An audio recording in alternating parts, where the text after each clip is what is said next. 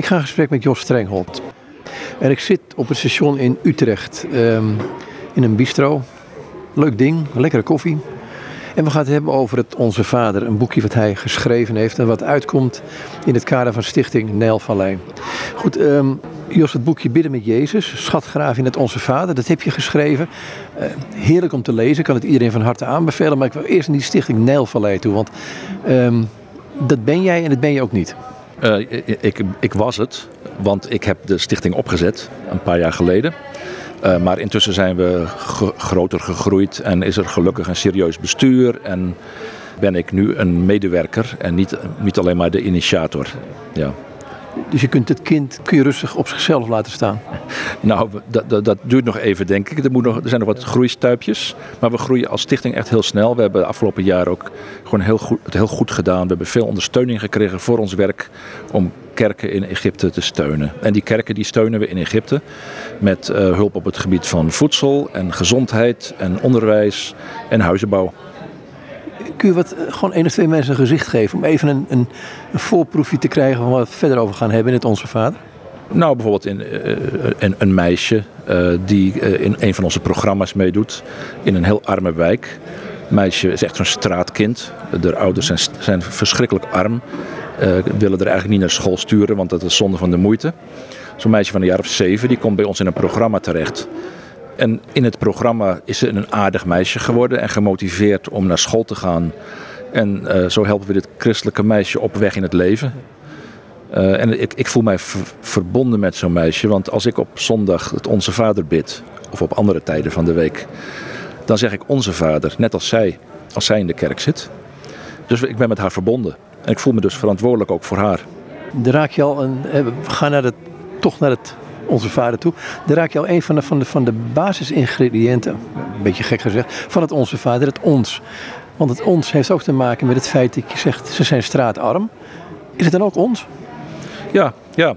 Het is opvallend in het Onze Vader dat het woord ons daarin voorkomt, maar nooit ik of mij. Het is echt een, het gebed van de gemeenschap. Wat je samen bidt met gelovigen in je eigen kerk en met je, maar ook met gelovigen wereldwijd. En in het, in het Onze Vader zit bijvoorbeeld ook: geef ons heden ons dagelijks brood. Het is alsof je als een gezin rond de tafel aan het bidden bent tot de Vader. En als kinderen bid je: God, geef ons alstublieft uh, te eten. Geef ons ons eten. En dat doet hij dan ook. Dat doet hij. Hij geeft het alleen niet aan alle kinderen gelijkelijk. Hij, geeft het gewoon op, aan, hij legt het op tafel, zeg maar. En dan hebben we ons brood. Ons probleem is dat wij dat brood wat ons in de schoot geworpen wordt, bijvoorbeeld in Nederland, voor onszelf houden. Terwijl er andere kinderen aan tafel zitten, bijvoorbeeld in, uh, in een arm land als Egypte, die geen eten hebben. Maar, en, en, en dan, klagen, dan vragen wij ons af, hoe komt het toch dat God dit toelaat in de wereld? Ja, hallo, dat is onze verantwoordelijkheid. Wij hebben van God gekregen wat wij nodig hebben, meer dan dat, veel meer dan dat. Maar we delen het niet met de andere kinderen. En ik, dat, dat vind ik echt een krachtig aspect van het Onze Vader. En bijvoorbeeld van dat gebed, geef ons heden ons dagelijks brood. Dat, is hetzelfde gebed wat gebeden wordt door honderden miljoenen mensen wereldwijd. In de arme landen, in rijke landen. En God beantwoordt dat gebed gewoon. Hij geeft het. Maar we zitten erop. Wat zou ik hier in Nederland kunnen doen dan, hè, als ik hiervan hoor? Nou, ik, vind, ik, ik denk dat in, in, het christelijke DNA zit sowieso wel een beetje dat wij ook uh, weggeven. Dat zit wel een beetje in ons. Dus uh, als je naar de voedselbank in Nederland kijkt, dan zie je gewoon dat, uh, dat het echt door, door, de kerken gedreven wordt. En, en zorg voor arme vluchtelingen, dat wordt echt door kerken gedreven. Christenen zijn de vrijwilligers. En dat is niet toevallig, want we, we bidden dit gebed. En ik denk dat als je het Onze Vader bidt, dat het ook invloed heeft op hoe je denkt en hoe je handelt. En ik, dus ja, meer ruimhartig zijn is, is denk ik uh, wat in een christen zit en wat er meer uit moet komen. En je moet het ook gewoon doen. Hè? Dat is iets wat je, waar je bij stil moet staan. En als je aan het Onze Vader denkt, waarbij het gaat over onze zonde en onze, ons dagelijks brood en onze Vader, nou dan, heb je dus een, dan neem je daar in wezen een verantwoordelijkheid mee voor al die anderen die ook ons zeggen. We horen bij elkaar. En als, als iemand uh, uh, bij mij aan de deur klopt en zegt: Ik heb geen eten. Ja, wat doe je dan? Dan zegt toch elke christen in Nederland: Kom maar, ik heb wel wat. Dus als het zo concreet is, dan doen we dat. Ja, voor mij is het ook heel concreet in Egypte. Eh, ik, ik heb daar, daarmee te maken. Ik ben er elke maand Uh, ik ben enorm bij betrokken bij, bij, bij pro projecten daar om ook mensen eten te geven. En dat doe ik wel vanuit deze visie. Uh, een, van de projecten die ik dit jaar begonnen ben, is met het verbouwen van graan. We hebben samen met een koptisch-orthodoxe bisschop vier hectare land in ontgonnen. En daar groeit het graan nu op. En daar ga ik binnenkort foto's van maken van hoe dat graan groeit. Want dat is daar voor die arme kopten. In een ander gebied ben ik bezig met, iets, eh, met iets van 100 hectare te gaan helpen ontwikkelen. Om, om woestijngrond, om eten te, eten te verbouwen daar. Graan in de eerste plaats ook. Ja, nou, dat zie ik echt als een, voor mij als een aspect van het feit dat ik het onze vader bid. Geef hen ook hun dagelijks brood. Ja. Het, is, het, is, het, is, het is één groot lichaam, dat lichaam van Jezus. Of, of gaat het veel verder dan dit? Nou, ik denk, ja, nou, ik denk dat dit gaat in de eerste plaats over het lichaam van Christus. Het, ik, ik, durf wel te beweren dat iemand die geen christen is ook het onze vader niet kan bidden. Uh, want hij kan God niet als vader aanspreken en hoort ook niet bij ons. Maar los van het feit dat we christenen helpen, doen we dat uiteraard ook breder. Het is niet zo dat je, als je een arme heiden tegen het lijf loopt, eh, dat je dan zegt: nee hoor, ik ga jou niet helpen. Maar ja, het, hemd is wel nader dan de rok. We zijn het lichaam van Christus en in het lichaam en je familie help je eerst elkaar. Maar goed, het stempel van God of het icoon van God is op de mens gedrukt. In wezen alle mensen. Ja, ja maar goed, er is natuurlijk een onderscheid. Ja, alle mensen zijn een beeld van God. Ja. Uh, maar niet alle mensen zijn christen. En uh, in het Nieuwe Testament wordt ook vrij duidelijk, expliciet gezegd dat we in de eerste plaats zorgen voor onze geloofsgenoten. Simpelweg omdat je met elkaar rond die tafel zit. En dat doe je niet met alle anderen. Dat, dat, dat klinkt wat alsof ik daar nou zo'n negatief onderscheid wil maken. Maar we hebben genoeg te doen als we eerst onze eigen, eigen gezin helpen. En ons gezin wereldwijd heeft honger. Gewoon honger. Het is apart, dat geeft ons heden ons dagelijks brood. Dat verklaar je in het boekje. Zeker vanuit de vroege kerk ook als um, het avondmaal, de maaltijd des heren, de eucharistie. Net hoe je het noemen wilt. Ja, ja. ja, er was een hele discussie in de vroege kerk onder de theologen. En eigenlijk iedereen was het er wel over eens. En tot nu, ook, ook vandaag de dag, zijn ook de orthodoxen en de katholieken het daar eigenlijk wel over eens. In het Matthäus-evangelie, als er gesproken wordt, geef ons, geef ons heden ons dagelijks brood, wordt er voor dat woord dagelijks uh, een heel raar woord gebruikt, wat niet in het Grieks bekend was, nooit in de Bijbel voorkomt. Het is een samenstelling van epi en ousion. En als je dat nou letterlijk vertaalt, dan is dat bovennatuurlijk. Geef ons heden ons bovennatuurlijke brood. En daarom waren er heel veel kerkvaders die zeiden, ja, dit, dit gaat over de, avondmaal, de Eucharistie. Dat is het brood dat uit de hemel neerdaalt. En uh, Jezus zegt, noemt zichzelf het brood dat uit de hemel neerdaalt. Hij vergelijkt zich met manna. Nou, er ligt een duidelijke link naar de avondmaal, de Eucharistie. Dus ik kan me wel voorstellen dat ze tot die gedachte kwamen. Uh, sommigen gaan dan weer te ver, zoals bijvoorbeeld Origenes. Die zegt, nou, maar natuurlijk gaat het alleen maar over het bovennatuurlijke brood. Want Jezus zou nooit willen dat wij bidden voor zoiets aards en zoiets gewoons als gewoon brood. Nou, daarin vergist hij zich, denk ik. Want juist dat gewone brood wat wij eten, is in wezen een heenwijzing naar het brood wat we eenmaal in Gods koninkrijk zullen eten als er voor iedereen overvloed is. Dus ook het eten wat we vandaag eten is een geschenk van God waar we hem voor danken. En is, is niet ongeestelijk of zo. Dat is echt Gods gave aan ons. Uh, dus ja, wat mij betreft kun je er beide betekenissen in zien. En ik denk toch wel in de eerste plaats de betekenis van gewoon ons, het prakje wat je op je, op je bord hebt. Ja. Maar goed, je kunt ook zeggen dat uh, Christus zich daarmee uh, aan de aarde verbindt. Ja, dat is het. Hè. Als hij zich mannen uit de hemel noemt, dan is het wel God die naar de aarde kwam. En ik denk dat we zo ons, e-, ons dagelijks eten ook moeten zien. Dat is, dat is niet zomaar iets, iets seculiers. God is het die voor ons zorgt met eten. Dus ik, heb, ik, ik vind inderdaad dat de, de, het onderscheid tussen aards en geestelijk eigenlijk niet, niet goed is. Het is gewoon niet correct. Een soort scheiding tussen het natuurlijke en het bovennatuurlijke die irreëel is. En ik ben niet zo'n uh, geschoolde theoloog om dit allemaal goed in woorden uit te drukken. Maar ik denk dat onze hele werkelijkheid geestelijk is. Onze hele tastbare werkelijkheid is geestelijk. Want alles is van God doordrongen. En dat bedoel ik niet pantheïstisch. Maar God is wel overal bij. Hij is bij alles betrokken. Niets, niets is uh, zonder hem in dit leven. En dat geldt ook voor de ongelovigen. God is er altijd bij, of je het nou wil of niet. en in, in die zin, ja, dat, dat vind ik ook, daarom die discussie tussen is het dan gewoon brood of, of zeg maar het geestelijk brood, de Eucharistie, vind ik niet zo heel erg zwaar, zwaarwichtig. Voor mij is het allebei. Ja. Ja, ik, ik zou erop kunnen antwoorden wat je net gezegd hebt, dat, of de, de opmerking kunnen maken dat ehm, Jezus is wel in een lichaam gestorven.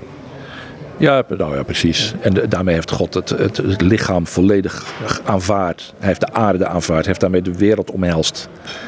Eh, en en eh, de, die, die, die visie van Christus, die, van, van de, het, het woord dat vlees werd, eh, betekent dat wij nooit iets wat vlees is, nooit iets wat aards is en tastbaar, moeten minachten. Hij, hij heeft zich hiermee verbonden. En dat eh, vind ik een bijzonder mooie gedachte. Dat betekent zelfs dat op momenten dat ik niet zo in een geestelijke sfeer ben, om het maar zo te zeggen, dat God er ook bij is. Dat ik me niet altijd hoef druk te maken over mijn eigen gevoel of over mijn, eh, de diepte van mijn geestelijkheid. Dat is, best, dat is goed om je er wel druk om te maken, maar nou ja, als het eens wat minder gaat, God is er ook dan bij. Want hij heeft de hele wereld omhelst en heeft mij om geaccepteerd zoals ik ben. Niet, en heeft, de, heeft de luisteraar geaccepteerd zoals hij of zij is. Niet zoals die ideaal zou kunnen zijn of zou moeten zijn, maar zoals die nu is. En dat vind ik een geweldig bemoedigende gedachte. En als, al, en, en als gewone mensen, met al onze hebbelijkheden en onhebbelijkheden, zegt Jezus tegen ons: Bid met mij samen het Onze Vader. Dus al- die gewone mensen, zoals die apostelen tegen wie hij sprak, en al die mensen die op de berg zaten, in de bergreden, zegt hij: Als jullie met mij meebidden, mag je God je Vader noemen. Dat vind ik een geweldige gedachte. Jezus is in feite degene die voor, voor, ons, voor ons staat en die zegt: Ga maar achter mij aan met dit gebed. Hij, hij is zelf de eerste die dit gebed bidt. En wij doen alleen maar mee met hem. En als hij dit gebed bidt, dan weet je dat het verhoord wordt. Want, zijn- want de Vader verhoort zijn gebeden. Dus dit is het beste gebed wat we kunnen bidden. Dit is wat Jezus ons leerde. Besteed je in het, in het boekje ook aandacht aan, ehm, is het nou het gebed wat we er letterlijk na moeten bidden of is het een raamwerk? Ja, ja. ja daar wordt ook al over gediscussieerd. En eh, iedereen heeft zo zijn smaak. Maar volgens mij werkt het alleen maar als raamwerk als je het ook kent. Het is, een- voor, voor, om, om, om het functioneel te maken als raamwerk moet je, moet je hem kennen. Dus het is sowieso heel goed om het gebed te kennen. Maar ik, ik denk ook echt dat eh, het bedoeld is om het ook, ook daarom zo vaak te herhalen. Met deze woorden. Zodat we het raamwerk goed kennen. En eh, ja, als, als onze Heer Jezus zelf zegt dat we het zo moeten bidden. En als Hij het zo bidt. Wat voor beter gebed kan je dan bidden dan precies dit gebed in de woorden die Hij leerde. Dat is de beste garantie dat het ook verhoord wordt. Ja. En bovendien, eh, bovendien kijk, als je het samen wil bidden, dan moet je ook dezelfde woorden gebruiken. Het is heel onhandig om tegelijk te bidden en dan niet dezelfde woorden te gebruiken, want dat versterkt niet erg het ons-gevoel. Dat is puur individualisme als je dat doet, allemaal in je eigen woorden. Nou, dan vind ik, eh, ik, ik ga even een zijstraat in. Dan staat er nog een ander gebed eh, wat Jezus vraagt ons te bidden. Dus hij zegt de oogst is wel groot, maar de arbeiders zijn weinig. Dus bid de Heer van de oogst. En ik denk dat is een gebed wat ik, als ik even in de kerken kijk waar ik kom, ehm, toch weinig hoor. Ja. Zo'n zo, soort gebedsverzoek eigenlijk meer. Ja, dat is waar. Nou ja, er zijn natuurlijk een heleboel kerken waar ze toch wel degelijk minstens eens per jaar op, in de liturgie dit als gebed hebben. Het, het gebed voor nieuwe arbeiders. Eh, en dat is belangrijk, ja. Eh, en al- als onze Heer ons suggereert dat wij moeten bidden voor, het, voor dat, dat meer mensen Hem dienen. Ja, dan, eh, en dan specifiek in, in zending en evangelisatie. Dan zullen we dat maar beter kunnen doen. Hè? Vind je niet? Ja, zo praktisch ben je wel. Ja, ja nou ja, dat is het, eh, het is belangrijk. En eh, ik, ik zit zelf ook in het midden van dat werkveld, zeg maar. Ik ben ook voortdurend bezig met zoeken naar, naar meer mensen voor de oogst waarmee ik bezig ben in Egypte. Want het vinden van de juiste mensen is niet altijd makkelijk. Je moet de juiste mensen hebben om projecten te leiden. Eh, De, juiste mensen om eh, ook projecten te leiden op een manier die past bij je christelijke doelen. Eh, dat is niet makkelijk, dus dat is een gebedskwestie. Dan zit je daar in Egypte, ehm, want ik neem aan dat de mensen die je bedoelt zijn Egyptenaren over het algemeen. En dan kan het vanuit ehm Anglikaans, evangelisch of ik noem maar koptische kant komen. Eerlijk gezegd, in Egypte is onze keuze behoorlijk om daar met de Koptische Orthodoxe Kerk te werken. Die vormen 95% van de, kerkelijk, van de christelijke bevolking. Zijn bovendien de oudste kerk daar. En hebben ook duidelijk de beste banden met de samenleving en met de armen in de samenleving. Eh, we doen ook wel projecten met de protestantse kerken. Uh, dus dat is de issue niet. Maar onze voorkeur gaat echt uit naar werken met de Koptisch-Orthodoxe kerk. Ja. Hoe ben je met hen in contact gekomen? Want ik denk dat daar. Um, je komt toch in, eigenlijk in een hele andere wereld terecht. Zeker als Nederlander. Je komt in een Egyptische wereld, maar ook in een Egyptische, Koptische wereld. Ja, dat is wel een eigenaardig uh, verschil. Hè? Mhm. ik, heb, uh, nou ja, ik, ik, ben in 1988 in Egypte gaan wonen. Heb daar tot, tot bijna alle tijd tot 2017 gewoond. Dus uh, een jaar of 25. En ben geleidelijk opgeschoven daar van mijn, van mijn in, in, opvattingen. En heb steeds meer met de kopten te maken gekregen. Aanvankelijk echt helemaal heel weinig. Want als, als je er als Nederlander komt, dan denk je dat is niet mijn soort mensen. Hè?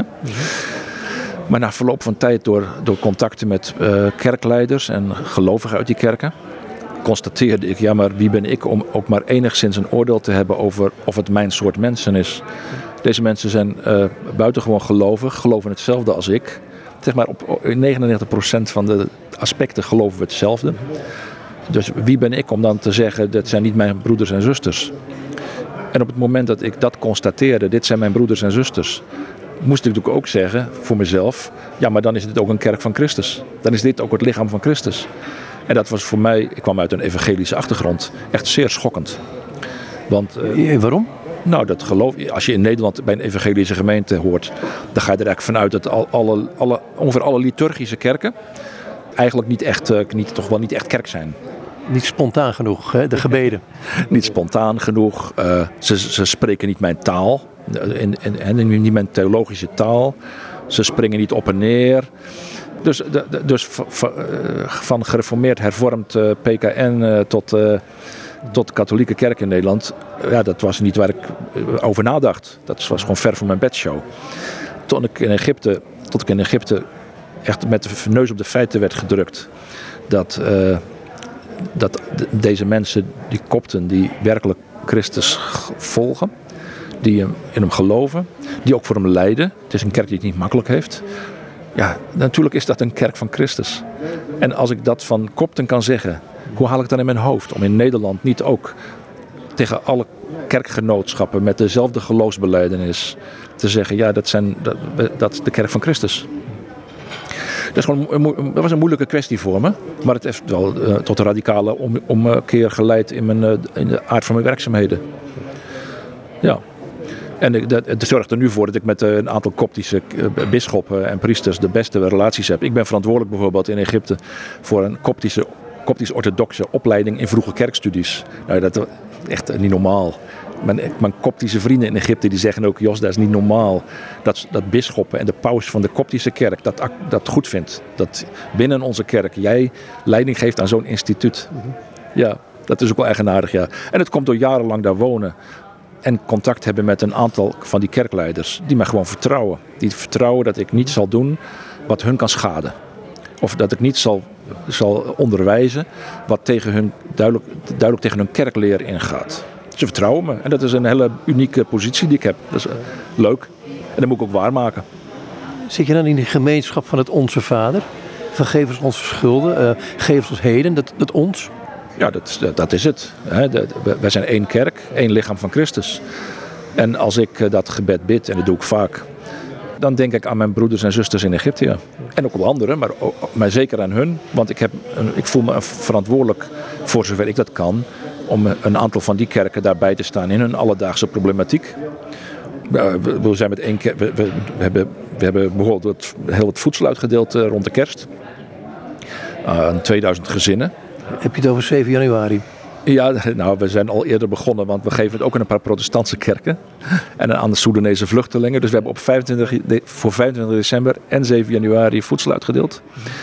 We zijn in een dorpje met de Koptische kerk bezig om een heel project op te zetten voor verstandig gehandicapten, lichamelijk gehandicapten. Voor de zorg in het dorp voor, voor die mensen. Dus dat doen we echt heel, heel duidelijk met die Koptisch-orthodoxe kerk. En dat is mijn eer. Het is mijn eer. Ik voel me zeer vereerd dat ik dat, dat, ik dat mag doen. Ja.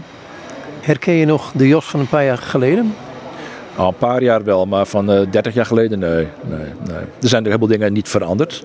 Mijn, eh, mijn sterke christelijke overtuiging is niet veranderd, maar er zitten wel, zijn wel kleine verschuivingen geweest. Ja. Kun je nog meer van die dingen benoemen? Eh, je, hebt, je hebt een boekje geschreven, ook misschien ga ik naar de Zijstraat toe, maar het, een boekje over zeven dingen die ik geleerd heb in Egypte. Of zeven uitgeleid, uitgeleiders. Ik weet niet hoe het heet, maar ja, ik, ik, nou, dat ging een beetje over die hele geschiedenis die ik heb meegemaakt bij mezelf. Nou, bijvoorbeeld het aspect van individualisme. Uh, ik, ik, kwam daar als een uh, individualist, rasindividualist. En dat ben ik waarschijnlijk nog wel, want dat, je verandert jezelf niet zo makkelijk. Maar in ieder geval in mijn denken is, is, is er wel een grote ommekeer gekomen. Toen ik daar kwam, was, was mijn, de vraag die ik mij stelde in 1988: uh, wat, wat, wat wil ik gaan doen in dit land? Hoe, hoe, kan ik, hoe kan ik iets goeds doen? En dat is geleidelijk veranderd in hoe kan ik met de kerk in Egypte, samen met de kerk in Egypte, doen wat zij vinden dat van belang is in Egypte. Dat is een hele grote ommekeer voor mij geweest. Uh, uh, dus dat, dat is zo'n verandering die ik heb meegemaakt. Ook wel de hele visie op kerk zijn ik, ik ging er echt als een individualistische, evangelische jonge man naartoe. En ja, ik heb nu veel meer uh, respect en ik, voor, voor een, meer een, een, geloofsbeleving waarbij het avondmaal of de Eucharistie centraal staat. Ik hoef minder voor God te doen, maar ik mag meer van Hem verwachten. Dus dat, dat soort dingen zijn. Lees het boekje, dan, uh, mensen kunnen dat ook uh, op mijn website www.nijlvallei.nl kunnen ze het zo downloaden. Dan hebben ze dat. Handig.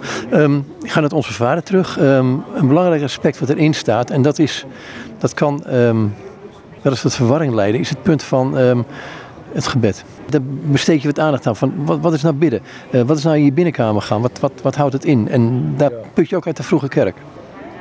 Ja, ja de binnenkamer. Uh, er zijn natuurlijk, als je de woorden van Jezus heel letterlijk neemt, dan zegt hij, zou je denken dat hij zegt: uh, je moet niet in het openbaar bidden. Je gaat in je binnenkamer. Maar dat is, een typisch Joodse manier van spreken, waarbij die een beetje extra stevig aanzet. Want even later leert hij ons onze Vader te bidden. Dus dat is een gemeenschappelijk gebed. Maar dat, die binnenkamer, uh, ja, als je in die context kijkt waarin Jezus dat zegt, heeft hij het eerst over uh, uh, mensen die op straat, op de straathoeken staan te bidden om gezien te worden. En dan zegt Jezus, ja, maar als, als het je gaat om de eer van mensen, dat is niet goed. En als je daar niet aan ontsnappen kan, ga dan in je binnenkamer. Dat is veel beter. En in de vroege kerk hadden ze daar wel een beetje vragen bij. Want hoe kan je nou in je binnenkamer gaan als je ook altijd moet bidden? Want Jezus zegt bid te allen tijden. En sommigen constateerden daarom uh, dat Jezus moet bedoeld hebben uh, dat, dat je zeg maar, in de binnenkamer van je hart overal moet kunnen bidden. Dus dat, dat je in ieder geval persoonlijk altijd biddend bent. En aan, bij de binnenkamer moet je dan aan je, aan je hart denken. Ik, ik heb er ook een beetje mijn vragen bij. Ik vind het on, onnodig om zo'n soort tegenstellingen mm van altijd bidden of in, ga naar je binnenkamer om het nou te moeten harmoniseren. Maar oké, okay, zo kan je het doen. En waarom niet? En, en ja, sommige van de kerkvaders, zoals Chrysostomus, die zeggen er prachtige dingen over. Als je dan in je binnenkamer gaat bidden, dan ontdek je ineens dat je niet zomaar in je binnenkamer bent, maar je gaat binnen in de paleizen van de hemel, waar je samen met engelen bent en met alle heiligen die er al zijn. En dat je eigenlijk uh, ja, in de troonzaal van God terechtkomt als je aan het bidden slaat. Dat is mooi. Mooi. Ja, dat is een aparte gedachte, want dat merk ik ook bij um, Therese van Avila. Die zegt, ja, ik ga af en toe bij mijn koning op bezoek. Ja, nou, dat is bidden, ja. Dat is bidden. Het Onze Vader, die, eh, omdat door de woordkeus van Onze Vader, wordt meer op de intimiteit de nadruk gelegd daar. Maar het is ook waar dat het gaat om, ja, het is de, de Heer van hemel en aarde waar je, waar je komt. En dat aspect zit natuurlijk ook in bidden. Het is niet alleen maar intiem zijn met God, het is ook vol respect bij de heerser arriveren. En uh, overigens, onze Vader die in de hemelen zijt, die term die in de hemelen zijt, legt ook al een beetje nadruk op de, op de grootsheid van de Vader. Het is niet een, een pushover, niet een doetje, die Vader. Het is wel de God in de hemel. Uh, dus hij is ook de, de gans andere. Uh, en er is ook wel discussie uh, over onder theologen van hoe moet je nou dat woord vader vertalen? Zou je ook niet papa kunnen zeggen? Want Jezus gebruikte het woord Abba, het Aramese woord. En dat was wel degelijk een intiem woord. Dat was het woord wat in die tijd door kinderen gebruikt werd om hun eigen vader aan te spreken, Abba. Dus sommigen zeggen, ah, moeten we dan eigenlijk niet zeggen onze papa in de hemel? Maar dat vind ik toch wel wat ver gaan. Ik zou het niet doen, want het woord papa in onze tijd, dat is wel een beetje een doetje. Vaak. Uh, terwijl de, de papa in de oudheid was niet alleen maar de, je verwekker, maar was ook echt je baas. Een soort patriarch tegelijkertijd. Ja, dat was echt de pater familias. En je waagde het niet om daar tegenin te gaan. En ook nu nog, in de, ik zie dat onder mijn koptische vrienden. Ook, ook al zijn ze nog zo volwassen met een eigen gezin. Als hun vader iets wil, nou dan doen ze dat. Dan doen ze dat, want die vaders wil is wet. Tot hij doodgaat. En zelfs daarna. Ja, dan, is, dan mag je wel wat over vertellen hoor. Dan is die vergelijkenis die Jezus vertelt over die twee, of die verloren zoon, die twee verloren zonen, die is chockerend in het Midden-Oosten. Ja, ja, ja, want het is echt schandalig dat die jongste zoon tegen zijn vader zegt: Ik wil de helft van de erfenis. Want daarmee zegt hij eigenlijk: Was je maar vast dood. Dat is echt een schandalige gedachte. Want je geeft de erfenis pas als je doodgaat. Uh, dit ging in tegen alle uh, normen van, en waarden van de tijd waarin dat gebeurde. En dat, dat die vader zijn zoon zomaar wil terugkomen. Nou ja, dat was pijnlijk. Ik denk dat die vader uh, van zijn eigen dorpsgenoten heel wat kritiek kreeg.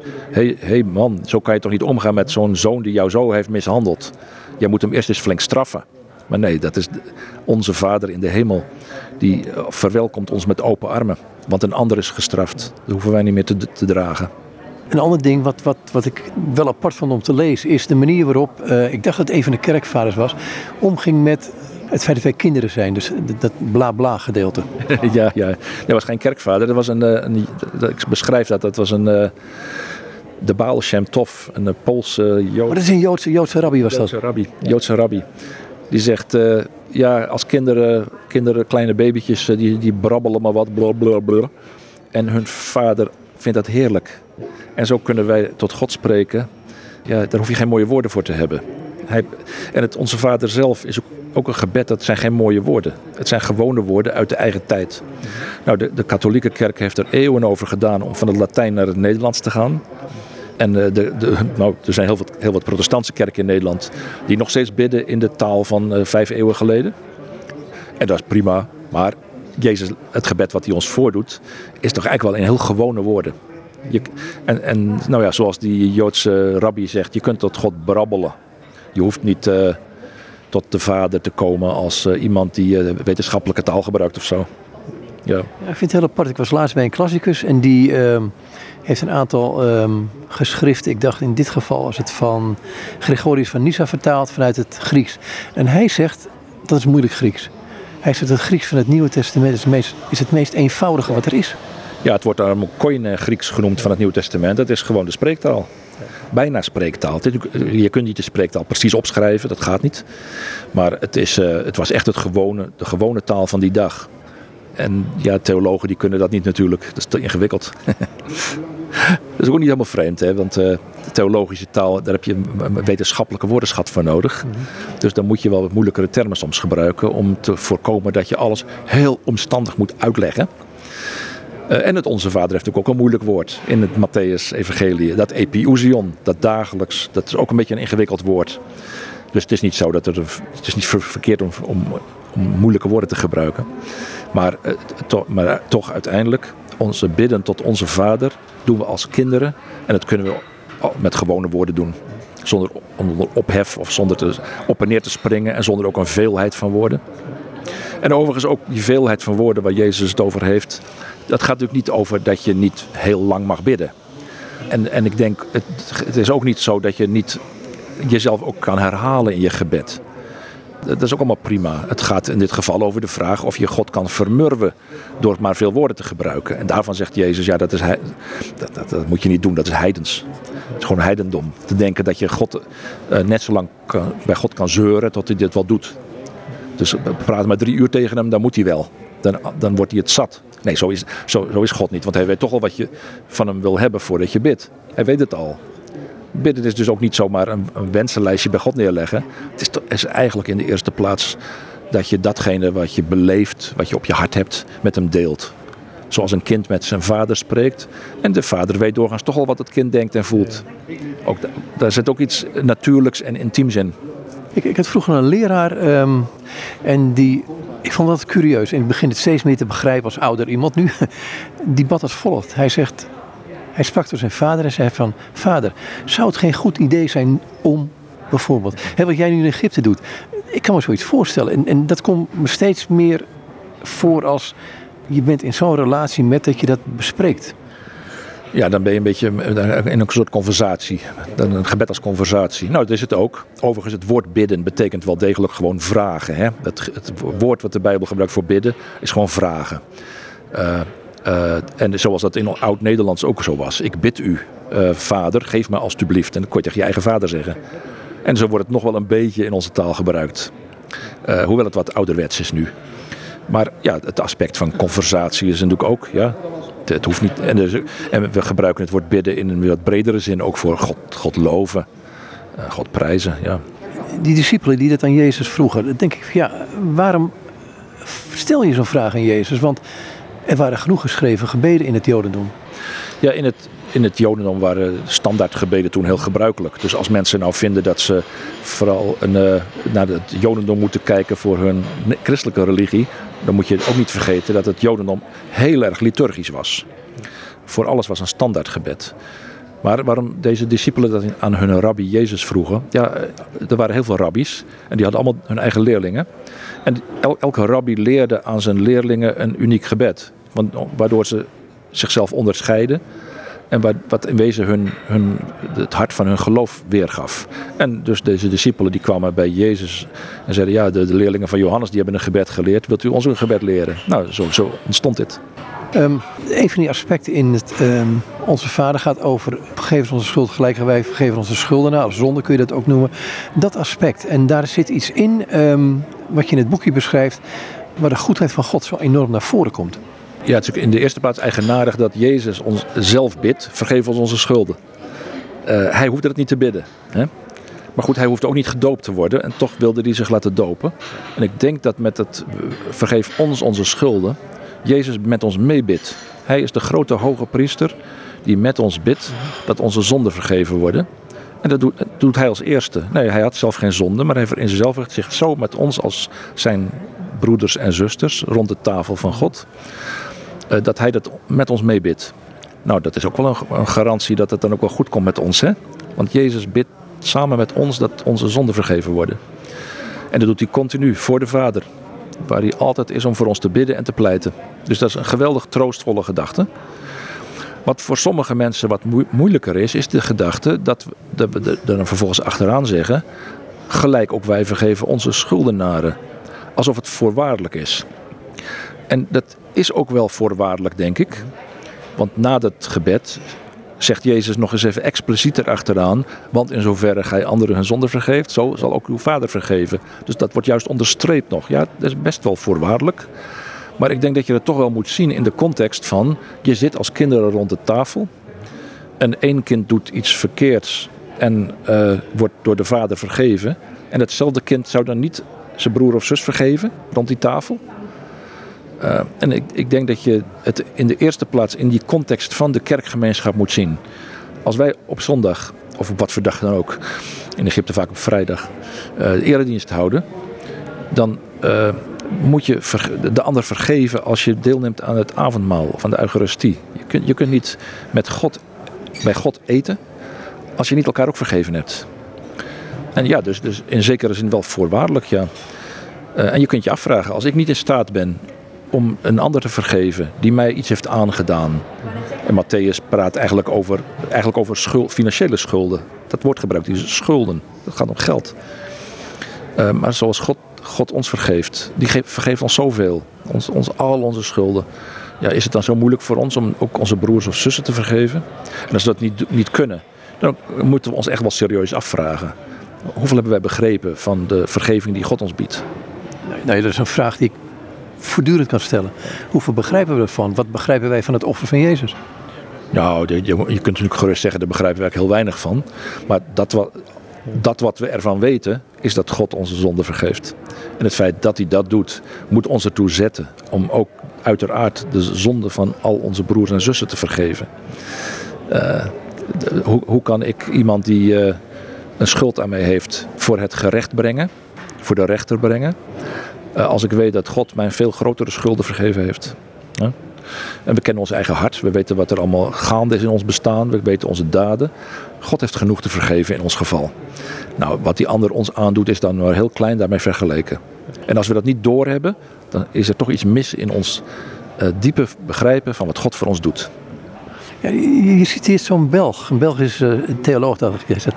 We hebben weinig moeite met het feit dat God ons vergeeft. Maar uh, ja, die broers en zussen zijn wel lastig. Ja, hij zegt we willen wel de gemeenschap met God, maar de gemeenschap met, met, met elkaar, ja, dat is, vinden we vaak maar niks. En je hebt ook een, ook een heleboel zeg ongelovigen die willen wel gemeenschap met elkaar, maar weer niet met God. En in beide gevallen is er, ontbreekt er dan iets. En de, on, onze gemeenschap met God is, bestaat niet zonder de gemeenschap met elkaar. Want je, want je zit als broers en zussen rond de tafel. Een individu, individuele religie bestaat gewoon niet. Dat is volledig mis. Want God is onze vader. Hij, hij, is de vader van de gemeenschap. En als wij die gemeenschap verwerpen. Als wij vinden dat onze kerk niet goed genoeg is en daarom gaan we maar niet meer. Hè? Uh, dat, dat, dat, dat, kan echt niet. Dat kan echt niet. Als je, als je God als vader kent, dan moet je ook je broers en zussen als broers en zussen kennen.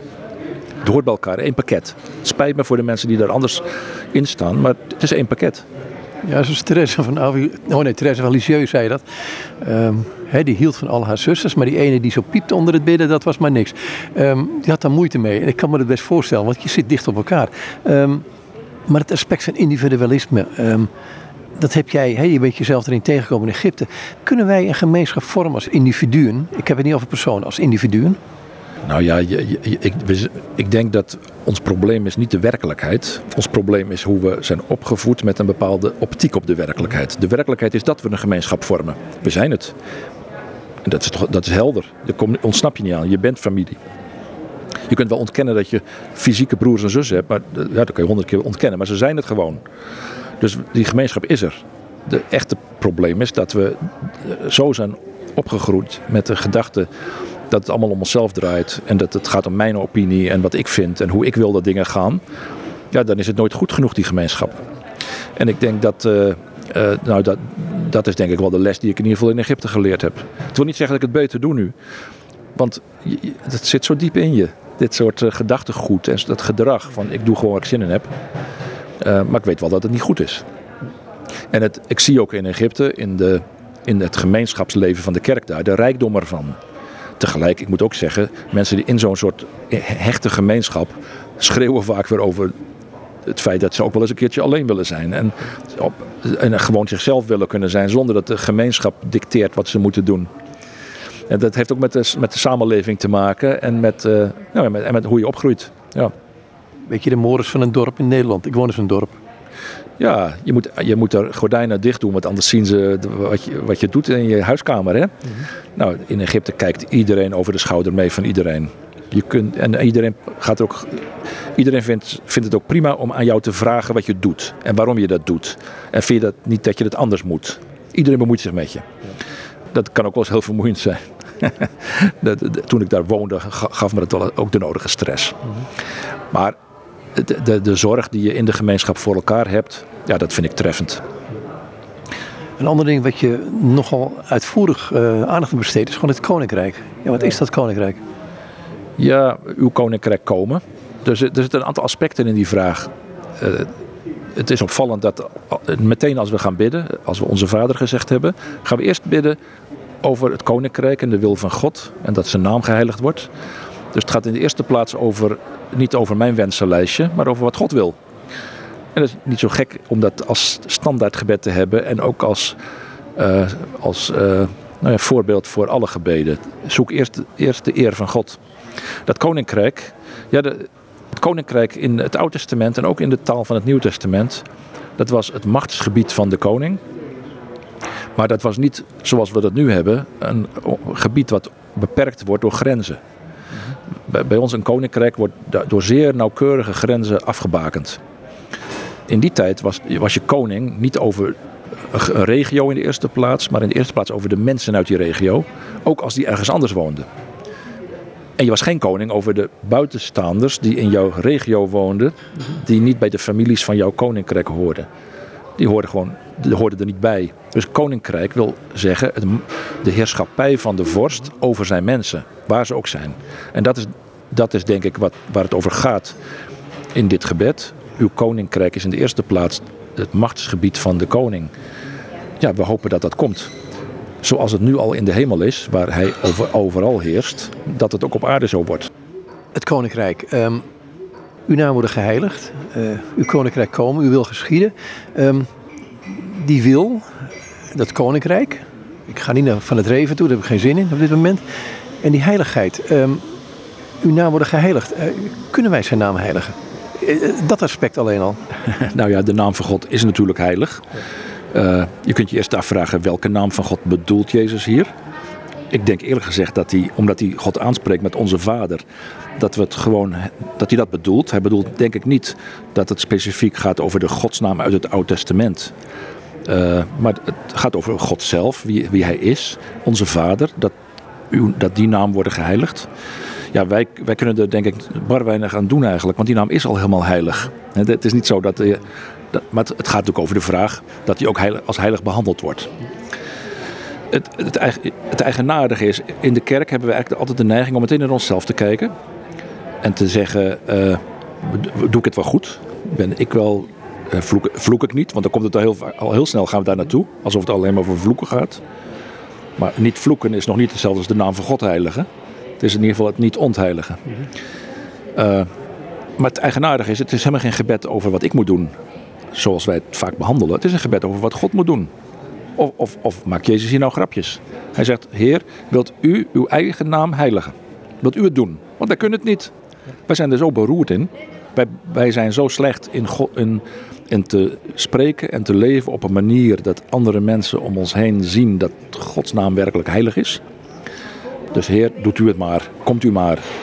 En hetzelfde geldt voor het koninkrijk van God. Heer, dat uw koninkrijk komen. Dus, dus Jezus leert ons niet te bidden, help ons om te zorgen dat uw koninkrijk komt. Zoals wij er vaak mee omgaan. En dat kunnen we ook niet, want we maken er een potje van, keer op keer. En uw wil geschieden, daar staat hetzelfde. Uh, het, God wil u zorgen dat uw wil geschiet. Want wij, wij doen het niet zo goed. En, het, en, natuurlijk moet je bij al die gebeden naar jezelf kijken en vragen: werk ik daaraan mee? Natuurlijk is dat goed, maar het gebed van Jezus is eigenlijk: God wilt u het maar voor elkaar krijgen. In de wereld en in mij. Uh, en het is dus eigenlijk een gebed om de wederkomst van Christus, denk ik. Heer, brengt u al die dingen die wij zo verlangen, maar in deze werkelijkheid. Zoals dat nu in de hemel is, waar de naam van God geheiligd wordt. Gods koninkrijk is in de hemel, zijn wil geschiet in de hemel. We, verwachten de komst van Christus en dan wordt dit allemaal werkelijkheid op aarde. En in de tussentijd, ach, we doen ons best, maar veel, maar is het niet. En ook in al ons best doen beseffen we, we zijn van God afhankelijk. Hij moet het in ons doen. Maar, maar het is dus zo dat Christus ons betrekt bij hem en ons meeneemt naar.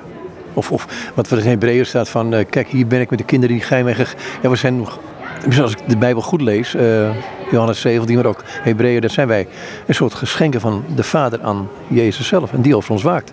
Ik denk dat dat het is, ja. En het, de manier waarop, als wij dit gebed bidden, dan vereenzelvigen we ons dus eigenlijk met Jezus die dit gebed bidt. En dan neemt hij als, als het ware mee naar de Vader.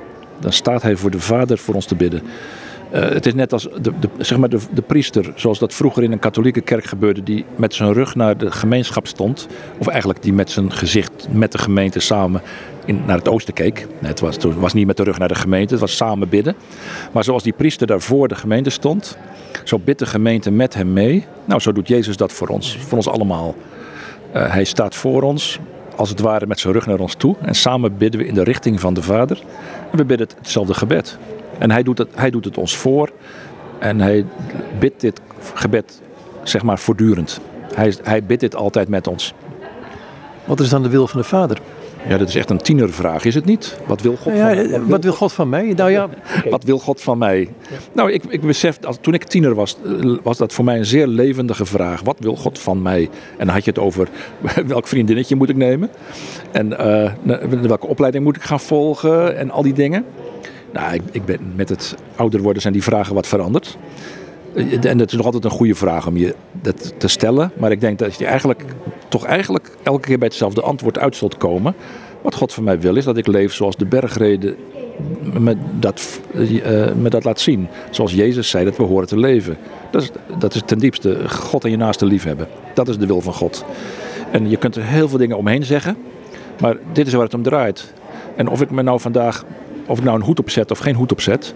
En of ik nou met bruine of, of, of groene schoenen loop. Dat het maakt voor God niet zoveel uit, vermoed ik zo.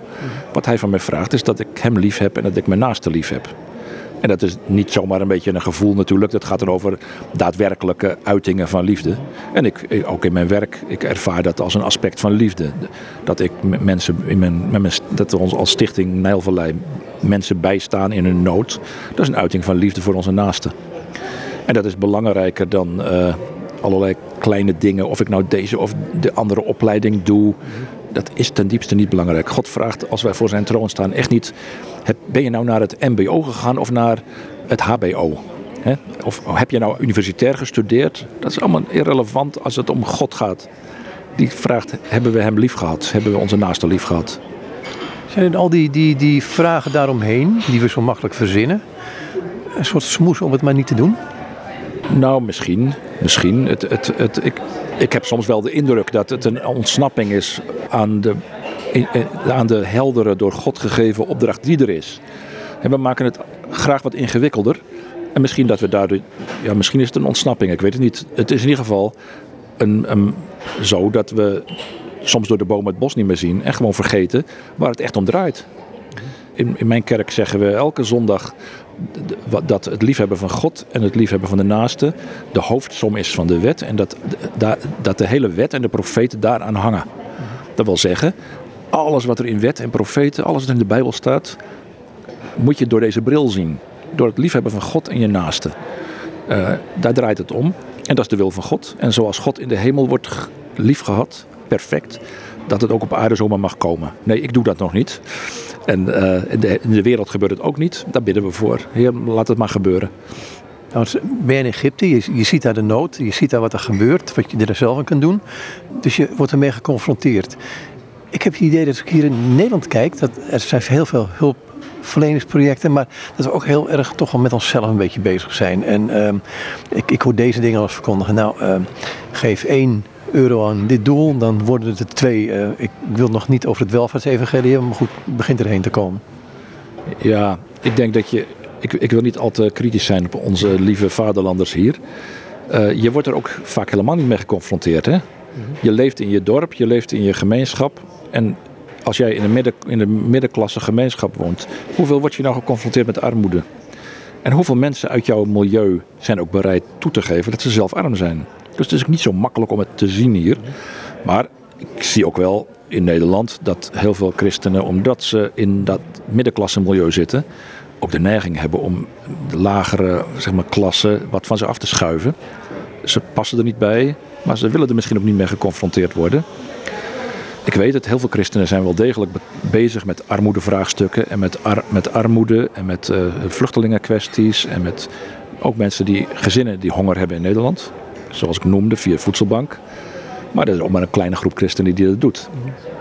En het zou mooi zijn als meer mensen gewoon heel concreet zeggen: Ik wil een vorm vinden om mijn naaste lief te hebben. Ja, natuurlijk, mijn eigen gezin zorg ik voor. Ik zorg dat mijn kinderen te eten hebben. Maar goed, zoals ik, als, als mijn eigen broer of zus uh, honger heeft en dat toegeeft, of mijn kinderen zeggen dat ze honger hebben, dat ze geld hebben, ja, dan, dan, maak ik toch meteen geld over. Dan zorg ik dat ze wel te eten hebben. Dus in, in kleine kring doe je dat. Maar ik zou denken dat het niet slecht is om gewoon voor jezelf vast te stellen. Maar wat doe ik nou breder in dit opzicht in Nederland of buiten Nederland?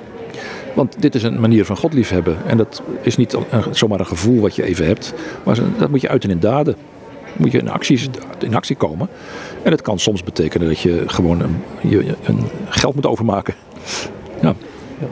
Ja, maar er zit nog een aspect wat je noemt in het boek. Jij zegt, je kunt, eh, wij zijn soms ook in onze gebeden zo gericht op onszelf, op luxe, dat het bijna onethisch wordt.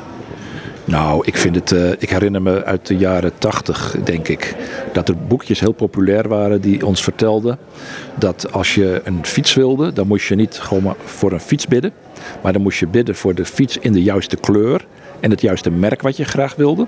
En dan zou God het wel geven. Nou, dat is echt zo. Ik vind het echt zo schandalig. Kijk, als je nou echt dringend een fiets nodig hebt omdat je anders niet naar je werk kan gaan, oké, daar kan ik me wat bij voorstellen.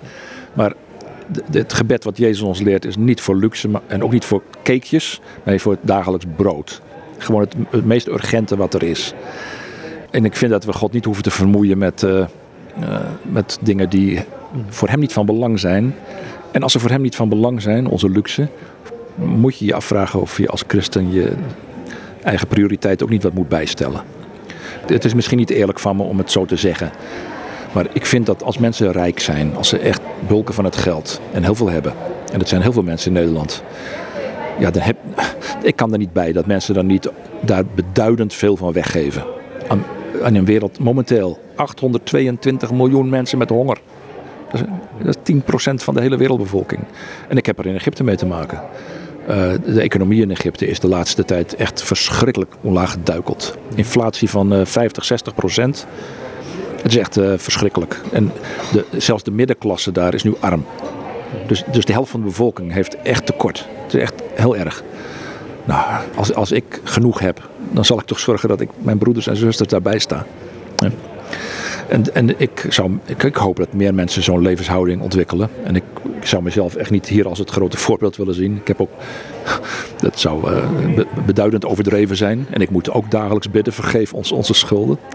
Want, maar ja, ik kan er gewoon niet bij dat mensen overdaad hebben en het echt voor zichzelf houden. Ik, ik, kan er niet bij. Als, als christen hoort dat niet. En de, full stop, punt. Het hoort niet. Je hebt met Onze Vader, heb je, het is bijna af het boekje, of het is, ik heb pdf gekregen. Um, je gaat op een gegeven moment ga je ook naar de Diediger toe. Um, daarin wordt het ook genoemd, het Onze Vader. Ik ga weer terug naar de vroege kerk. En daarin werd het zelfs gezegd, je moet het een aantal keren per dag bidden de Diediger, dat is een boekje dat dateert zo rond, zeg maar, het is niet helemaal helder, maar tussen het jaar 80 en 150 of zo. Dus heel snel, het was waarschijnlijk het eerste geschrift na de Bijbel. En ook de Diediger geeft ons het Onze Vader, zoals Matthäus dat heeft. En er wordt bijgezegd, je moet het dagelijks drie keer bidden. Ik denk dat dat was omdat die, in de Joodse tempeldienst en de, de gewoonte was om drie maal per dag te bidden. En dus dat deden christenen ook. En die moesten dan het Onze Vader bidden. En dat was al heel vroeg in de kerk dus een, een eh, leidende gedachte. Later hebben de, de, alle, alle grote kerken uh, hebben zeven gebedstijden per dag ingesteld. Of het niks is. En daarin bidden, bidden dus al die mensen ook. Dat zijn er vooral de kerkleiders en de monniken en de nonnen. Die bidden zeven keer per dag het Onze Vader. En eigenlijk in elk van die gebeden ongeveer drie keer. Dus die bidden het allemaal twintig keer per dag. Maar het wordt gezien door de heel vroege kerk dus als iets wat je gewoon moet, moet bidden met deze woorden. Waarom heb je dit boekje geschreven? Ja, je bent met de vroege kerk bezig. Wat, wat, wat, want je zegt het is schatgraven, noem je het. Nou, voor mezelf in de eerste plaats. En ik, ik wilde ook een bijbelstudieserie een keer schrijven. En ik heb er een preekserie aan gewijd. Maar ik wilde vooral gewoon het voor mezelf bestuderen. Dat vind ik bijzonder leuk. Een thema bij, bij de kop nemen. Ik ben altijd mee bezig met mijn stichting. En dat is eh, zeg maar zakelijk werk. Fondsen werven en projecten leiden. En dan is het ook mooi om uh, af en toe eens even wat anders te doen. En dan doe ik graag dit soort dingen. Nou weet ik, weet ik dat ik, ik krijg jouw nieuwsbrieven en er staan af en toe van die dingen in als van iemand is uh, gevallen, heeft iets met zijn arm en dat uh, kan met simpele middelen voor een 100 euro verholpen worden daar waar je hier waarschijnlijk een heel ziekenhuis voor nodig hebt. Maar goed, dat soort simpele kleine dingen zijn het vaak. Ja, ik denk dat het ook ons, wel, ons werk wel aantrekkelijk maakt voor onze achterban. Mhm. Want we geven mensen de gelegenheid om, om concreet te geven voor concrete noodgevallen. En dat zijn niet eens altijd van die hele dure dingen. We hebben het afgelopen jaar 184 Soedanezen bijvoorbeeld geholpen met hun gezondheid. Operaties, uh, chemotherapie, medicijnen. En die 184 mensen werden geholpen met ongeveer 70.000 euro. Nou, dan kan je, kan je narekenen. Dat is ongeveer uh, 500 euro per persoon of zo. 600 euro per persoon. Dat is dan gemiddeld. sommige eh, medische gevallen kosten ons 100 euro. Soms 10.000 euro, komt ook voor. Maar uh, het, het, is juist het concrete wat uh, denk ik veel mensen aanspreekt. Ze kunnen iets doen met, met, bescheiden middelen.